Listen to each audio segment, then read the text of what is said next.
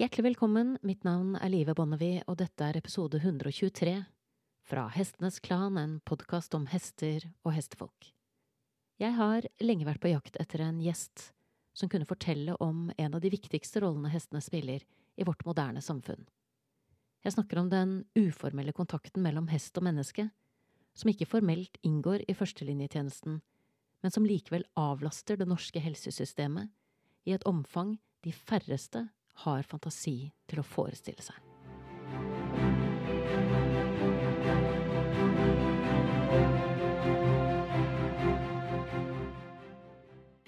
Hei, Ada. Vi er tilbake. Yes.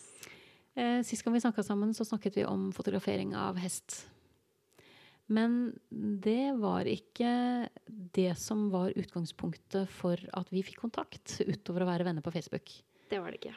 Du sendte meg en ganske personlig mail, og den hadde et, um, et innhold som gjorde at jeg tenkte at det her har jeg lyst til å prate med deg om. Fordi at jeg tenker at det er en viktig historie. Eh, og det du skrev, er noe som jeg tror mange som driver med hest, uh, har tenkt. Eh, ofte med god grunn også. Og det er at eh, hvis jeg ikke hadde hatt hestene, så hadde jeg ikke vært her. Det stemmer. Mm. Nei, psykisk helse og hest det går jo ofte hånd i hånd.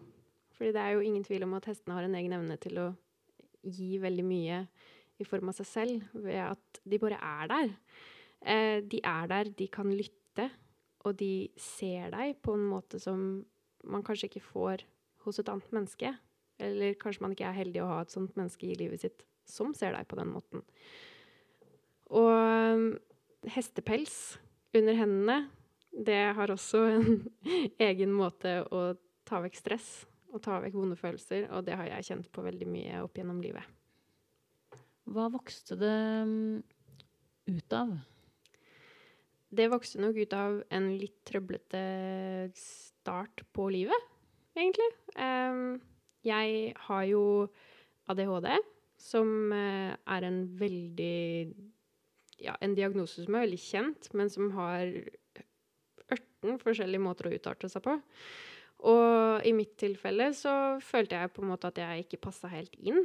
Og jeg var ikke spesielt skoleflink og klarte ikke å følge med helt. Og jeg ville ikke gjøre det de andre ville gjøre.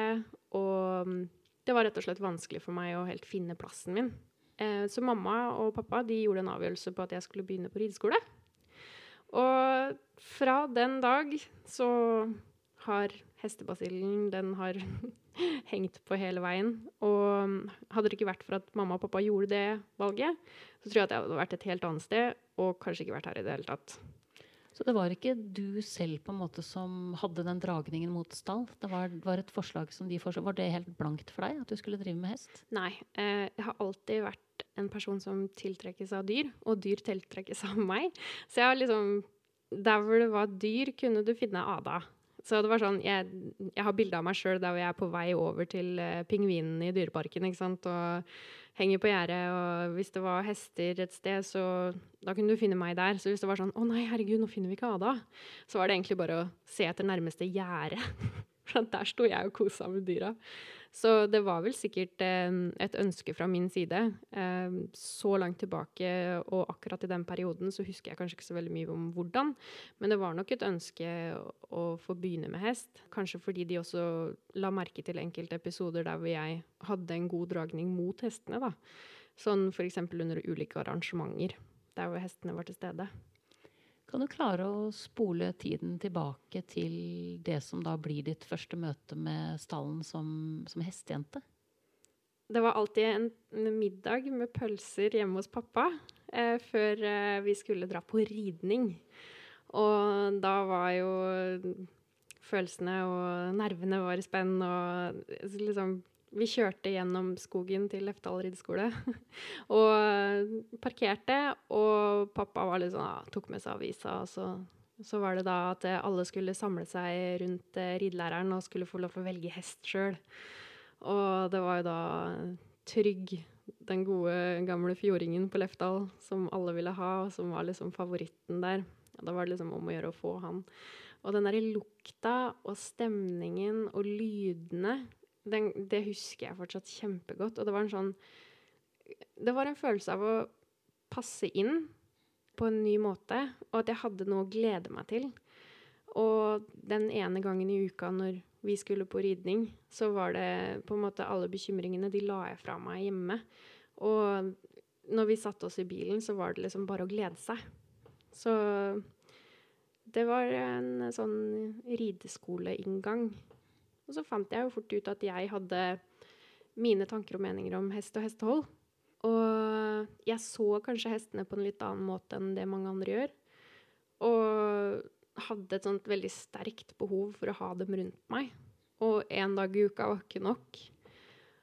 Og istedenfor å kanskje bruke penger på kino og klær og sånne ting som man liksom begynner å interessere seg for etter hvert som man blir litt eldre, så gikk det på å kunne ri. Og jeg jobba for å ri.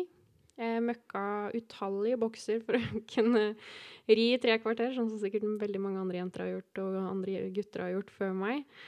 Og der, den harde innsatsen man la i for å kunne bli belønnet med å få lov til å ri eller børste eller stelle og leie disse hestene, den, den var så stor, og du følte at du fikk til noe. Og den roen som du også fikk der og da, når du med en gang satte deg på hesten, så var det akkurat som bare alle bekymringer forsvant. Du nevnte at du så ting litt annerledes enn de andre uh, på stallen, hvis jeg forsto deg riktig. Ja. Tenker du at det um, har å gjøre med at du har ADHD? Altså at, uh, at, du får en annen type sanselighet eller en annen type um, hva skal jeg si, kontakt med hestene? Jeg kan ikke si det skråsikkert, men jeg tror kanskje at vi er veldig mottagelige for eh, kroppsspråk og sånne ting, både fra mennesker og dyr. Eh, og at vi kanskje fort, sånn som jeg merker i menneskelig setting, så tenker jeg liksom Å, herregud, hva tenker den personen? Å, det er kroppsspråket. Å, hva sier det kroppsspråket? Hva, hva, var det blikket? Var det nikket? Hva, hvorfor sa ikke det mennesket det og det? Og så blir det kanskje litt sånn med dyra også, at man, man leser dem nøye. Og det er litt kjent det at mennesker med ADHD de har veldig mye rom for omtak og kjærlighet. Og det å se andre, kanskje, fordi man ikke selv føler seg sett hele tiden. Og hestene ser det. Mer enn du tror. Dette er jo noe som, som, kommer i inngrep med noe jeg har vært innom flere ganger i denne podkasten. Altså dette med at testen er en undervurdert del av, uh, av førstelinjetjenesten, egentlig. Ja. Det er mange som har sagt eh, at test burde vært skrevet ut på blå resept, og det gjøres jo sikkert til en viss grad også, men jeg bare tenker på um, hvor stor hjelp det kan være i å drive med hester for å klare å holde seg i vater når ting er vanskelig. Og du sa jo litt innledningsvis om det, men hva, hva var grunnen, tror du, hovedgrunnen til at du hadde liksom behov for dette fristedet som da stallen ble for deg? Det var jo dette her med at eh, når du, når du har kontakt med et så stort dyr, og miljøet rundt, og stemningen, så er det på en måte som du får puste. Så det Jeg la fra meg det å ikke bli sett og forstått, mobbing og um, følelsen av å ikke være vellykket, den kunne jeg legge litt fra meg. Eh, hestene dømmer deg ikke. Hestene bryr seg ikke om hvilken farge du har på genseren din, eller hvilket merke genseren din er, eller hvor mye genseren kostet. Og selv om dette her kommer litt videre inn Hvis du kommer litt oppover i miljøene, så har kanskje motet mye å si, eller hvor mye hesten din kosta og sånne ting. Men akkurat når du er på det barnlige punktet i livet, så så, så ikke jeg det der og da. Fordi det, det var ikke noe fokus på det. Fokuset var på å kunne trives.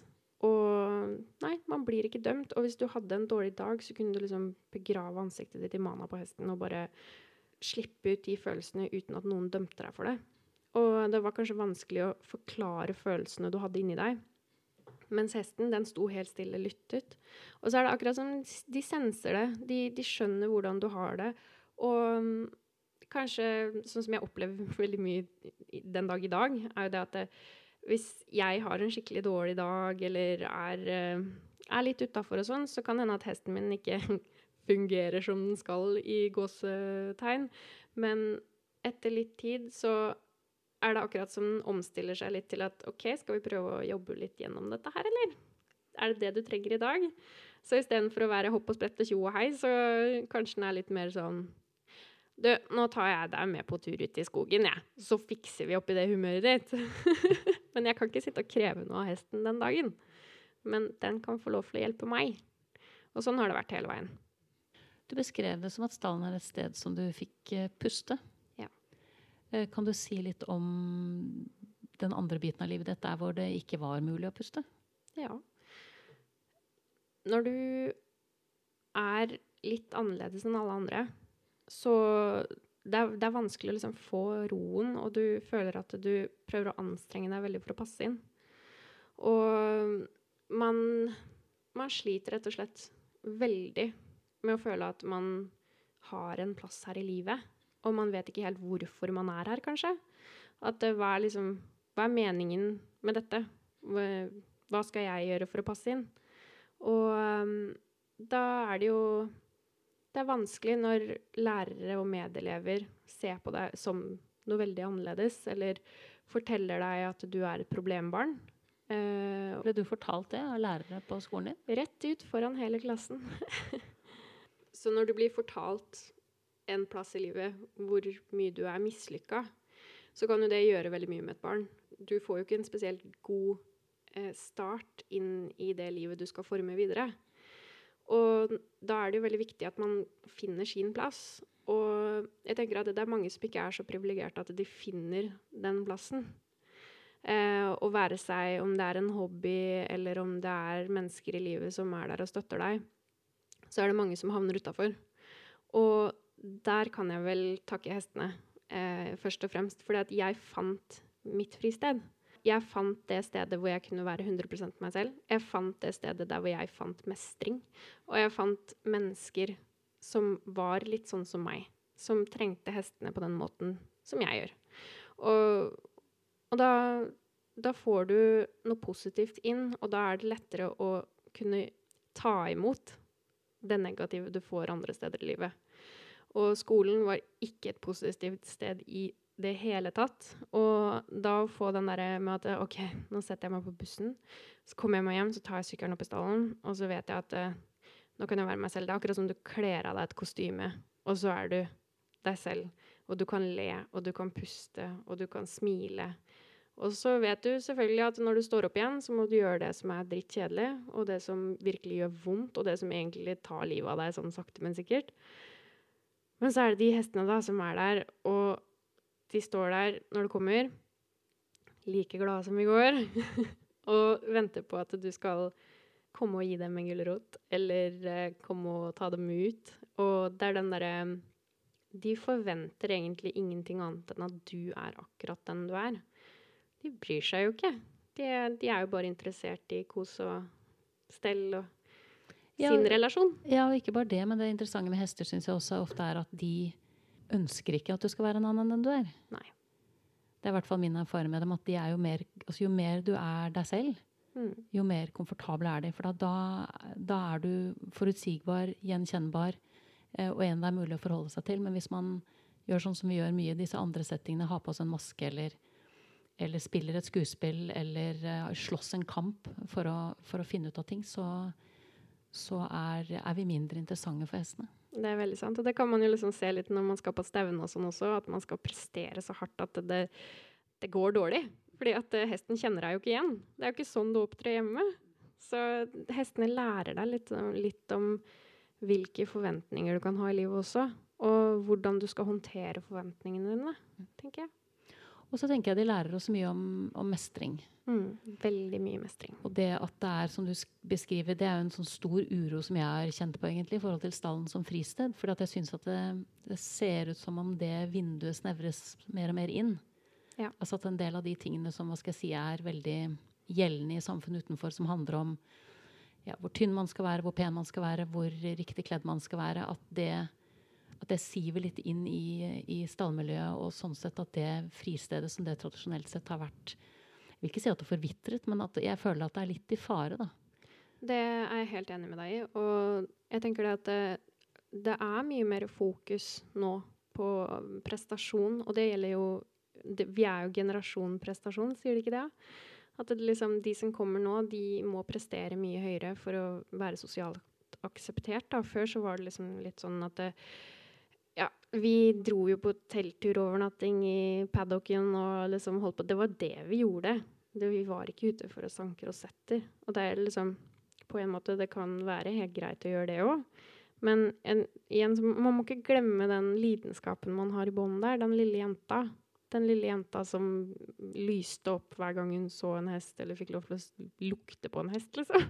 Jeg husker jo det sjøl bare sånn Å, her lukter det hest. Og sånn kan jeg ta meg den dag i dag, hvis jeg liksom kjører rundt, og plutselig så kommer det stallukt, liksom. Det er sånn åh, ja. Lukten av trygghet. Mm.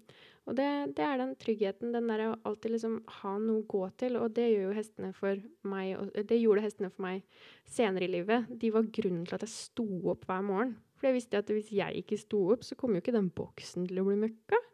Men når jeg først var der og møkka den boksen, så fikk jeg en takknemlighet tilbake, på en måte. Eller det var fint å drive og styre og stelle for de hestene. Og det, du kunne ha det sånn tidig og fint og ryddig, og du hadde et sted der hvor du var in charge. Det var ingen andre som på en måte ja, kunne komme og ødelegge det, da. Sånn bortsett fra når man begynte å få egne meninger og skulle blande seg borti det man ikke skal blande seg borti, og ha egne meninger om hest og hestehold, og kanskje erta på seg noen personer og ja. Det kan skje. Det kan skje, spesielt når man er veldig opptatt av hest og hestevelferd, da. Så da var nok jeg en pain in the ass til tider. Tenker du det? At du var det? Jeg vet at jeg var det, for enkelte. Men jeg håper at også noe av det jeg har ment, og det der med at det, Jeg gikk fra å være en veldig sånn usikker jente på Ja, i tenåra, da, til å sakte, men sikkert bygge meg opp fordi hestene ga meg bein i nesa. Og det merker jeg veldig godt nå i voksen alder, at det, den, den tiden jeg tilbringer med hestene, og den mestringen jeg får når jeg rir hesten min, og vi får til ting sammen, det gir meg så mye mer selvtillit. Og den selvtilliten har jo vært manglende nesten hele livet. Jeg, før så storma jeg opp på 17. mai-scenen og skulle synge foran alle. Helt til jeg ble fortalt at uh, du er rar, eller du er teit, eller du er tjukk, og du er uh, et problembarn. ikke sant? Det, du, du tok vekk den gleden av å være barn. Og så ble det bare revet vekk. Mens hestene har hentet det inn igjen. Hestene er liksom Du får den derre villstyringen tilbake igjen. Du får den gutsen tilbake igjen fordi hestene lærer deg det. Ja, det er den, det er den versjonen av Ada de vil ha. Ja.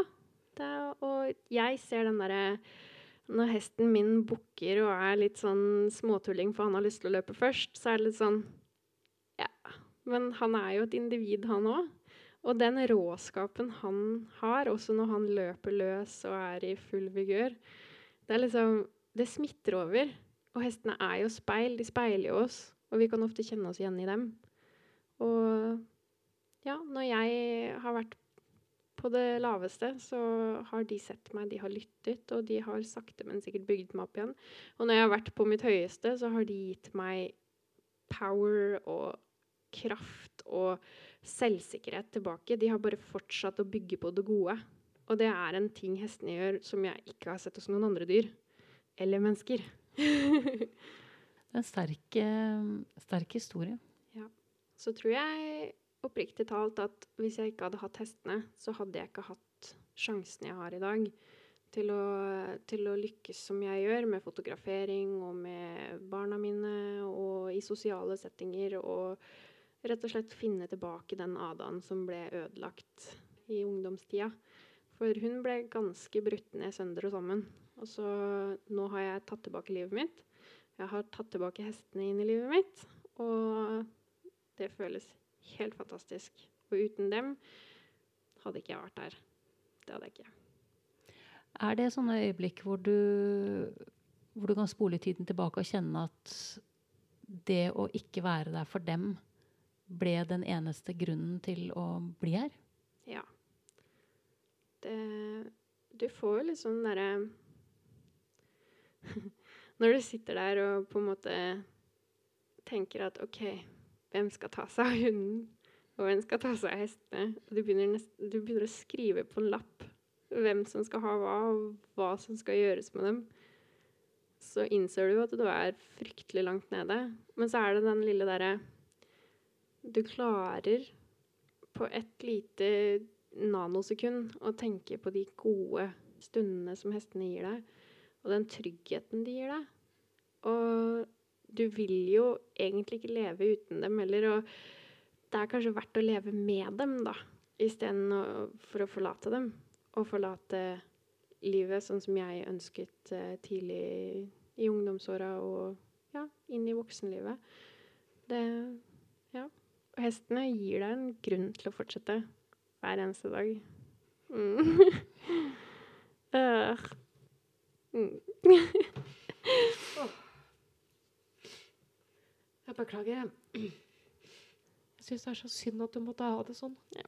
Men det tror jeg det er veldig, veldig mange andre som også har hatt. Og noen har kanskje ikke klart seg, og andre har klart seg med et nødskrik. Og det er veldig mange som har det sånn akkurat nå.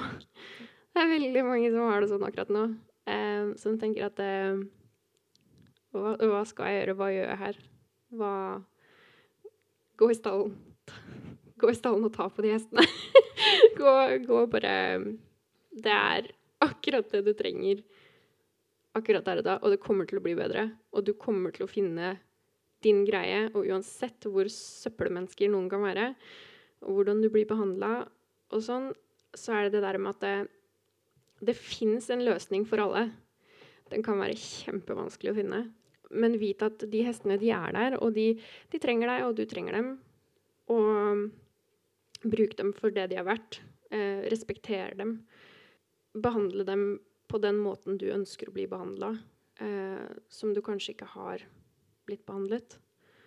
Og tenk at eh, det fins en plass for alle her, uansett. Og jeg har vært så innmari heldig å få den plassen blant hestene, og at jeg kan bruke dem som medisin hver eneste dag, akkurat når jeg trenger dem. Og ikke gi det opp, jobb for det. Fordi at eh, jeg levde flere år uten hest, og jeg gikk nesten til grunne. Jeg var så langt nede at jeg, jeg lot andre fortelle meg at eh, du har ikke plass til hest i livet ditt.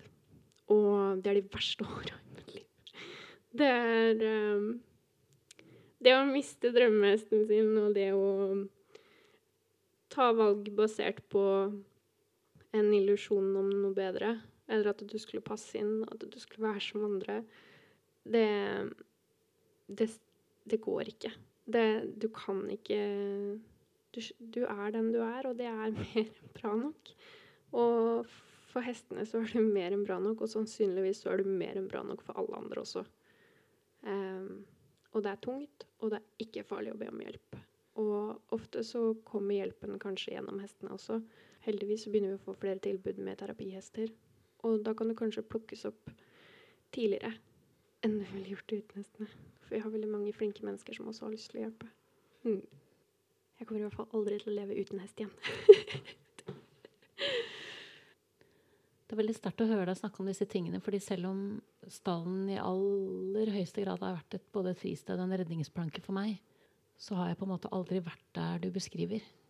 At, uh, at det har stått om livet. Så det er veldig sterkt å høre deg beskrive, beskrive det. Jeg syns det er um, utrolig stort at du er villig til å dele det på den måten som du har valgt å gjøre her. Jeg tenker at dette er veldig, veldig viktig. Det er et tema som ikke blir nok snakket om, selv om psykisk helse er en, en ting som kommer mer fram nå i dag. Så er det en ting vi ikke kan snakke nok om. Og ja, man, eh, man må være litt raus og dele, tror jeg. Og det er ikke noe farlig å fortelle hvordan man har det. Altså, det er sånn som jeg har begynt å si nå. Sånn, når folk spør meg 'Ada, hvordan har du det?' så er det sånn Vil du ha sannheten, eller vil du ha den sminka versjonen? Og de fleste velger å si at de vil ha sannheten. Og så får de sannheten, og så får man kanskje en god klem. Og så kan man gå videre med dagen sin med den tanken om at OK, du har folk rundt deg som er glad i deg. Og det har hjulpet meg veldig Og der har hestene også hjulpet meg med å liksom kunne åpne meg selv. Og det de har skapt relasjoner, og relasjoner som jeg vil ha resten av livet mitt. Og det er mennesker i hestemiljøet Som også er grunnen til at jeg har fått hjelp når jeg trenger det. Eh, når jeg har vært der nede at jeg tenker at eh, nå, nå, nå, er det ikke mer håp liksom å hente. Så har det vært noen som jeg har møtt gjennom hestene, som har vært så gode venner på et annet plan at de har skjønt alvoret og ja, lyttet når de må, eller tatt og fått hjulpet meg til å kontakte de menneskene jeg må kontakte for å få hjelp. Så ekte venner får man der man deler interesser, tror jeg. Ja, og så tenker jeg jo at um, det at man møtes på dette fristedet som vi snakker om, og du sier deler denne lidenskapen um, Det gjør jo også at man kan møtes på et litt annet plan. Ja. Det har i hvert fall jeg opplevd som veldig verdifullt med de eh, kontaktene jeg har gjennom hestemiljøet. At hesten har liksom hjulpet en med å, med å, skrelle bort en del lag, så man møtes ja, i mye større grad som det man er, og så vokser det samtaler ut av dem, disse møtene som man kanskje ikke nødvendigvis ville kunnet hatt noe annet sted enn med disse hestene og med disse menneskene som man har truffet gjennom hestene. Sånn at jeg blir litt sånn Jeg syns det er litt stusslig og litt sånn vemodig når folk snakker negativt om hestejenter. Ja. For jeg tenker at de, de, aner jo ikke hva de snakker om. For som du så tydelig illustrerer, for en del så er det den planka som er igjen. Ja. Og det er ekkelt og ubehagelig å tenke på at noen er villig til å, til å sjekke hvor godt den flyter. Det er uh, ganske groteskt, egentlig. De vet egentlig ikke hvilket ansvar de sitter med når de åpner munn. Og for noen så er hestene hele verden. Og man må på en måte være veldig varsom hvis man skal begynne å kritisere noe. Eller snakke ned om en annens hobby eller valg i livet og sånne ting. For det, alle kjemper en kamp som ikke nødvendigvis er synlig. Og um, alle har godt av å være litt mer rause med hverandre når det kommer til spesielt psykisk helse. Mange sliter, og ikke alle snakker om det. Noen har godt av å snakke om det, andre kanskje velger å bare snakke til hesten sin om det. Og man skal være veldig forsiktig med å kritisere. Og det er helt greit å ha sunne diskusjoner. Og jeg tenker sånn innad i hestemiljøet også, så er det sånn at vi alle har en relasjon til hesten. Um, I større eller mindre grad. For noen så er det nærmeste familiemedlem. For andre så kan det være en idrettsutøver. Det temaet der er et helt annet tema, som du har snakket mye om før, og som jeg er veldig enig i. Um, men vi alle har en relasjon, og måten vi benytter oss av disse dyrene, den er ulik. Og veldig mange innfallsvinkler. Og så tenker jeg at det, eh, så lenge hestene blir behandlet med respekt, så burde vi kanskje ta en runde eller to med oss sjøl før vi kommenterer en annens måte å ha hest på, eller hvordan de Hvis de har en, en søt ponni som de har masse glede av, så, så er det helt supert. Om du rir på din store dressurhest og får masse igjen for det, så er det helt supert. Og så kan vi se at vi er likeverdige på akkurat det med at vi, vi får så mye av de hestene. Og så må vi gi masse tilbake igjen og vi må gi hestene et verdig liv. Og jeg syns ikke at man skal betvile verdien av en hest, på en måte. Man kan ikke sette en pris på en hest. Det er, uh, det er connection mellom hest og menneske som er viktig, og ikke prisen. Det er jo fristende å slå an en litt lettere tone i forhold til at uh, man legger jo merke til prisen. Ja. Hva gjør du? Akkurat som Odd Børresen sier om seiling. Det er, uh, han sier jo totalt hensiktsløst og dyrt. Ja. Og, og, jeg tenker at fra, fra, utsiden så er det akkurat sånn det ser ut. Ja. Men nå har du, syns jeg, på en veldig god måte sagt noe om hva som foregår på innsiden. Ja. Eh, og det er lett å se at det kan ikke måles i penger. Og det er, eh, kunne ikke vært mer fullt av hensikt enn en det du snakker om her. Mm. Og vennene mine, eller mine relasjoner tidligere, tenkte liksom de brukte masse penger på klær og ting som gjorde dem glad, eller ting som fikk dem til å føle seg OK. Mens min familie valgte å bruke de pengene sånn at jeg kunne ha et sted å gå til, at jeg kunne ha et fristed, og at jeg fikk noe ut av den resterende delen som ikke var på skolen. Og at jeg klarte meg, rett og slett. Mamma og pappa de backet meg alltid, og spesielt når pappa døde. Så det er jo ikke noe tvil om at eh, når man mister et nært familiemedlem, så er det en forferdelig belastning.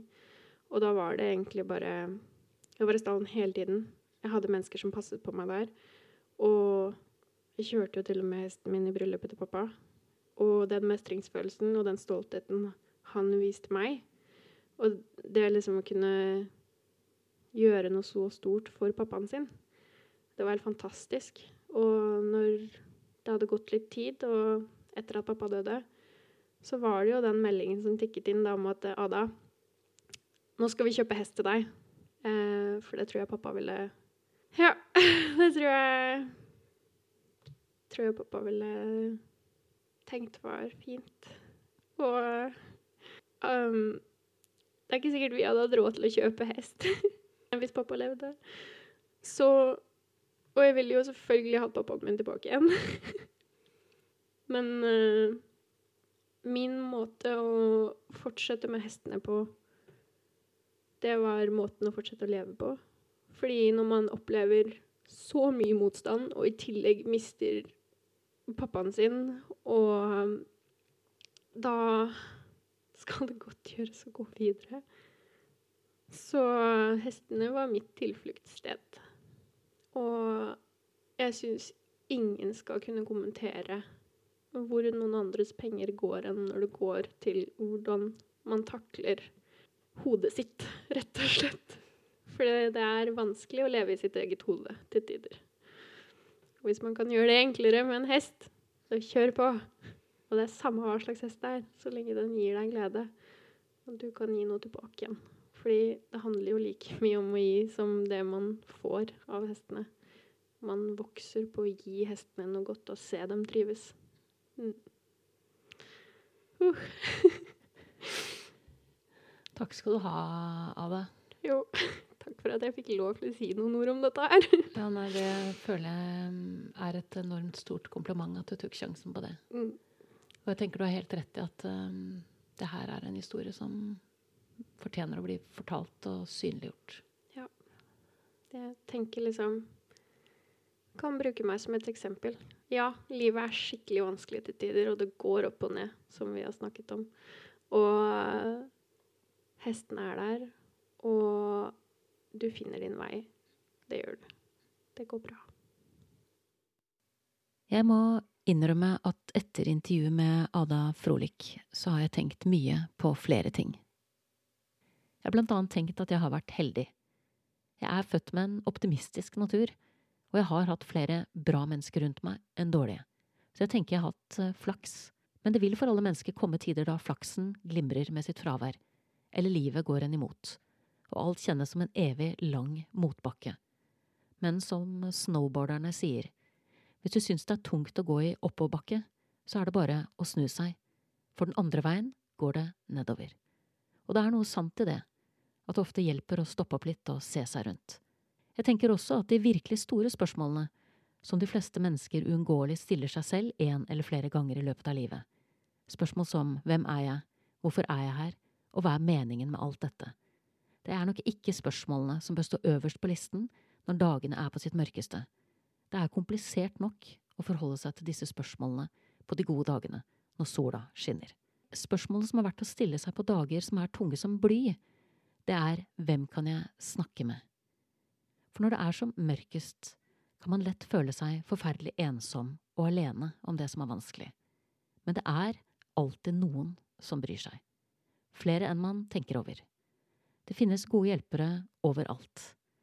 Jeg har selv en søster som jobber som frivillig på Røde Kors, og hun er bare én av mange som uten å blunke ofrer en stille kveld foran TV-en med familien og en skål potetgull til fordel for å gå ut i mørket, kulda og regnet for å lete etter eller hjelpe et medmenneske hun aldri har møtt før. Og hvis du har en stemme i hodet som sier at folk rundt deg vil bli lettet, eller at verden blir et bedre sted hvis du er borte, så kan jeg garantere deg at den stemmen tar feil. Du vil bli sårt savnet, av flere enn du tror. Ta det fra en som har sittet i begravelser og hørt folk snakke om, og gjerne de skulle skjønt hva som var på ferde før det var for sent. Eller som sørger over at de ikke visste hva som var riktig å gjøre, og som sitter knust tilbake med en sorg som varer livet ut. Selvmord er en permanent løsning på et midlertidig problem, som Finn Skårderud så klokt sa det. Og for å løfte en vanskelig problemstilling opp et hakk, så har jeg også snakket med Andrea Kjær, som jobber i fagavdelingen i Mental Helse, og spurt hvilke råd hun ville gitt folk som kjenner seg igjen i Adas historie, eller kanskje kjenner noen andre de mistenker at har det tungt. Du må våge å tro på at det finnes noen som er villig til å lytte hvis de får sjansen, sier Andrea. Det kan være en utfordring å åpne seg for andre hvis du føler deg ensom, mobbet, dømt eller utenfor, og man kan lett føle seg utrygg i møte med andre mennesker når man er langt nede. Men hvis du ikke blir hørt og forstått av de som står deg nærmest, må du stole på at det fins andre der ute, og du må våge å prøve igjen. Dersom du selv trenger hjelp, eller du kjenner noen du bekymrer deg for, så finnes det flere hjelpetelefoner du kan kontakte anonymt, når som helst på døgnet og helt uten kostnad. Mental Helse har en hjelpetelefon på nummer 116 123, eller hvis det er en god huskeregel, 116 123 som er nummeret på dagens episode. Kirkens SOS har også en hjelpetelefon med telefonnummer 22 40 00 40. Og tro meg, det er bedre å ringe en gang for mye enn en gang for lite. Du har nettopp hørt episode 123, eller episode 123. Og jeg vil gjerne takke min modige gjest Ada for å våge å sette ord på noe vi snakker altfor lite om jeg vil takke Andrea Kjær fra Mental Helse for verdifulle innspill og tips. Og sist, men ikke minst, vil jeg takke deg, kjære lytter, for tålmodigheten. Måtte hesten for alltid være med deg.